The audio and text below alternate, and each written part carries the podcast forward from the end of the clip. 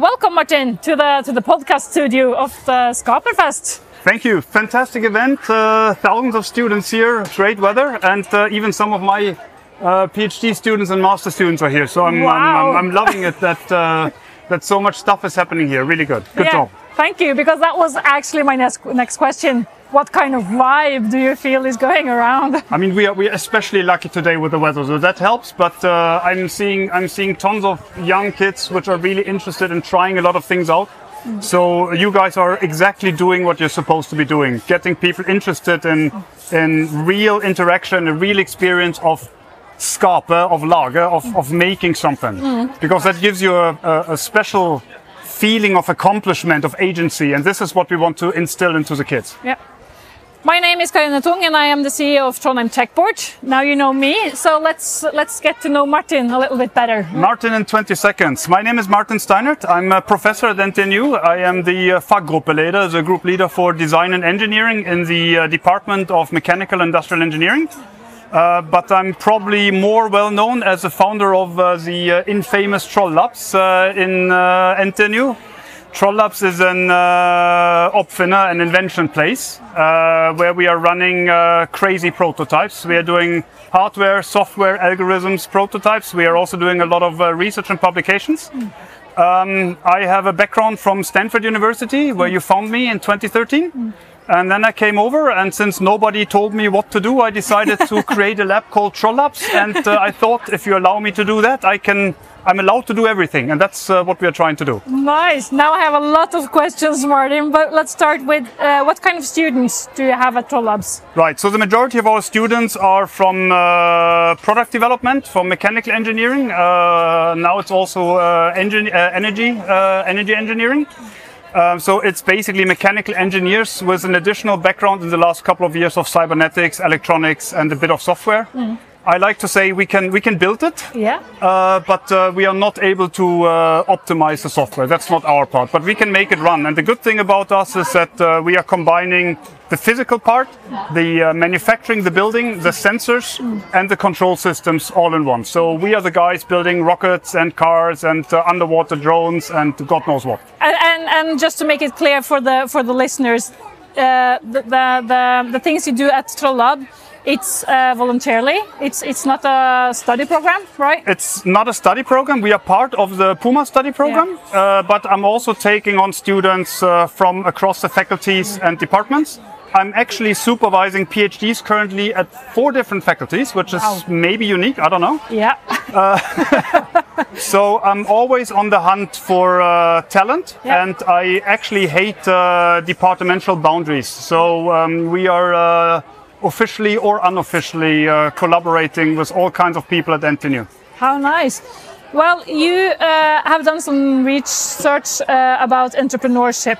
Why do you think entrepreneurship is important as well for, for young kids, but also for students? Right. So our primary research is in actually building physical prototypes and technology. But of course, if the technology doesn't make it into into the market, into internet, into into generating some some value add for society, it doesn't help. So we had an interesting PhD lately going on with Matt Lynch. He's now professor at uh, NMBU. Uh, on why do we teach and or we, we, are teaching a lot of entrepreneurs, but we're getting little entrepreneurship out. Yeah. And the question was, why is, is that happening? And um, based on our research and based on the things we have done back in uh, back in Stanford, I think it has a lot to do with uh, agency, with uh, creative confidence, as it's called. And uh, this is why the Skaperfest is so good. It's not it's not about pushing people to start companies.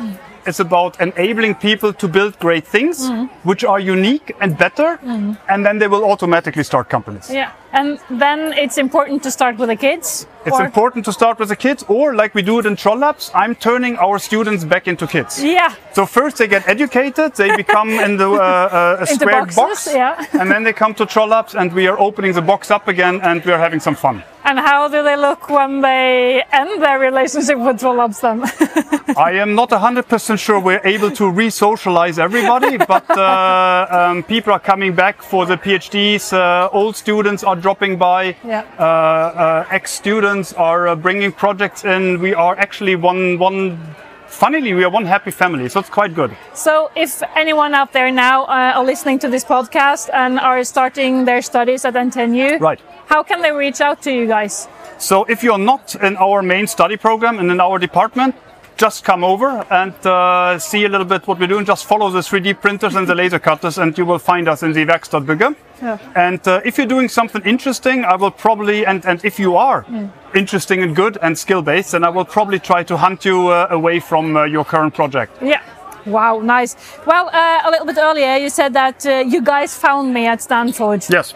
Uh, and I guess that means you you moved from Stanford and So- to Trondheim. I had a relationship uh, with uh, throughout three PhDs. So I had three PhDs visiting from NTNU over in the US and in California. And uh, step by step, there was a level of mutual trust uh, building up in joint projects. And uh, when the decision came on whether we want to stay in the US or move back to Europe, uh, then uh, actually uh, NTNU was the first choice. It Why? was by far not the best offer, but uh, by far the best country and the best city. So I'm Yeah. happy. I'm happy to be here, also on, on private reasons. Okay, so that so it's it's about your your whole life, like being like how you want to put your whole life for being the argument on why you ended up in. correct. Of course, uh, also about the university and, and Correct. So, so a couple of things. Number one, NTNU and uh, Trondheim has all the technology I can wish for. Yeah. So technically, we can do everything.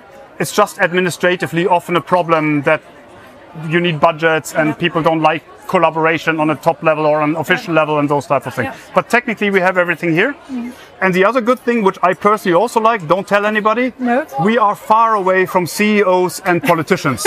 so I don't have to deal with Oslo. I don't have to deal with cocktail parties. Yeah. I can actually talk with CTOs and technologists, and we can go right down to the to the prototype. Yeah. And this makes life so much easier. Oh, well, uh, when we are talking about Trondheim, then, Hmm. as uh, in Norway we often call Trondheim the the tech, yeah, it's yeah. the tech capital. Is it really? Uh, yeah, and that was my question. If you could, if you could find like uh, something that we could do better.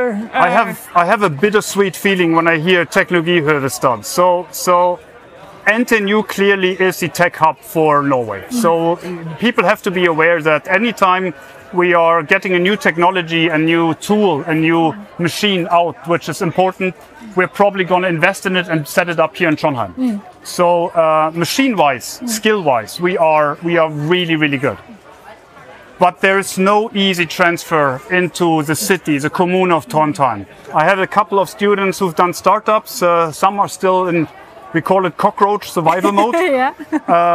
And uh, obviously, we are doing a lot of hardware startups. And uh, unfortunately, there's a big trend on behalf of uh, authorities and institutions to focus on IT, pure IT and app startups, which is good yeah. but not the right thing for Trondheim. No. We have a competitive advantage in hardware, and I think there's something that we all can do by giving people space, access to machines, and the skills are all around. We don't have to do much. So, so that is that is all here. But um, Wow. Thank you for sharing that, and I hope that the politicians. if uh, if uh, if our friends from uh, Sintef are listening in, Yeah. and maybe our my bosses at uh, NTNU, we have a lot of interesting machines which are not running at night. And uh, why don't we give them to startup and young kids for their first couple of prototypes without asking for 10,000 kronas? Because that's a big problem. yeah. When you're walking around now here at Torva in Trondheim among a lot of kids, um, do you feel positive, optimistic about the future? I'm always positive and optimistic. We, we have created ourselves a lot of problems in the last couple of decades, but we also solved a lot of problems in the last couple of decades. Yeah. And um, this is my job. My job is to is to get a challenge and then build technology that, that helps to overcome the challenge. So in that sense, I am I am very optimistic. I'm not so optimistic in terms of us being able to change the behavior of people, but then again, that's not my job. well, no, somebody else have to care for that one. when I when I look around here, and maybe let's go back for a second on the creative competence, Yeah. the, the the agency problem. So, what we are trying to do in Troll Labs, and we also build some kits for uh, some tech kits for high school students and high school teachers, is to not only give the kids the skill, but actually the confidence to try to engage and invent something new. So not just to follow the textbook saying, okay, this is what I have to say in order to get a good grade, but to question us. okay, the guys always used a wheel for that thing. Why should we? Why can't I try something else? And then we give them the skills to really try to kind of um, beat us. Mm-hmm. And that's what we want to achieve in the in the in the young generation to to get this confidence to challenge the status quo and just just just build something and try it out. Mm. To be curious. To be curious, everything is an experiment. Everything is a everything is a challenge, and an experiment, even if it fails, is a good experiment Yeah. because then I know that particular system does not work. Mm. Do you feel that it's a good culture in Norway for doing failure and experiment? That's a very good question. Every time I come back to the US, people are asking me, Are you still in Norway? When are you coming back? Why are you still in Norway? and here's the cool thing. Uh, as you might have heard from my accent, I'm German. And, and, and Germans, of course, are all good in, in mass manufacturing and planning and those type of things. One thing which is really cool with Norwegians is, um, besides your main uh, main uh, apartment, you also have a hytta and Yeah. maybe a boat. and that means you have been doing illegal constructions and, and tinkering everywhere. Yeah. So there is a real strong culture in Norway of fixing problems with the stuff that you have on hand. And honestly, my students I'm getting uh, from uh, NTNU, from Smørekoppen, from uh, the different student guilds are absolutely great. We have been doing competitions against the people in Stanford, against other international PhDs, and uh, building-wise, we usually win. So I'm having Wow. I'm having fantastic students over at NTNU. Wow.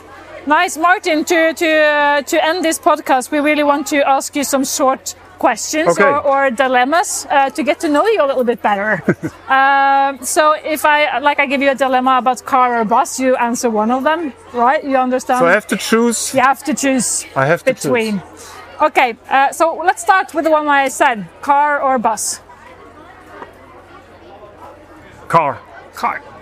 Uh, if you go to the movies, Oppenheimer or Barbie? Oh yeah, Oppenheimer. hey, no. Ha. Uh, at the at the school, doing maths or craft work? Ooh, combine both, but uh, craft. Craft. Okay, if you had some extra money, would you buy yourself some sunglasses or buy stocks at Kongsberg? My investment record is very, very poor, so maybe sunglasses would be the smarter choice. But I think I would buy stocks. Okay. Uh, last one. Would you like to be an entrepreneur or an investor? Oh, oh, entrepreneur anytime. nice. Nice to get to know you a little bit better, Martin. Thank you for stopping by the podcast studio today and enjoy the rest of your time at Skaperfest. Thank you so much for having me, and uh, keep up the good work with the fest, and uh, keep it running and expanding in the years uh, in the years to come. Thank you. Tack ska du ha. Tack.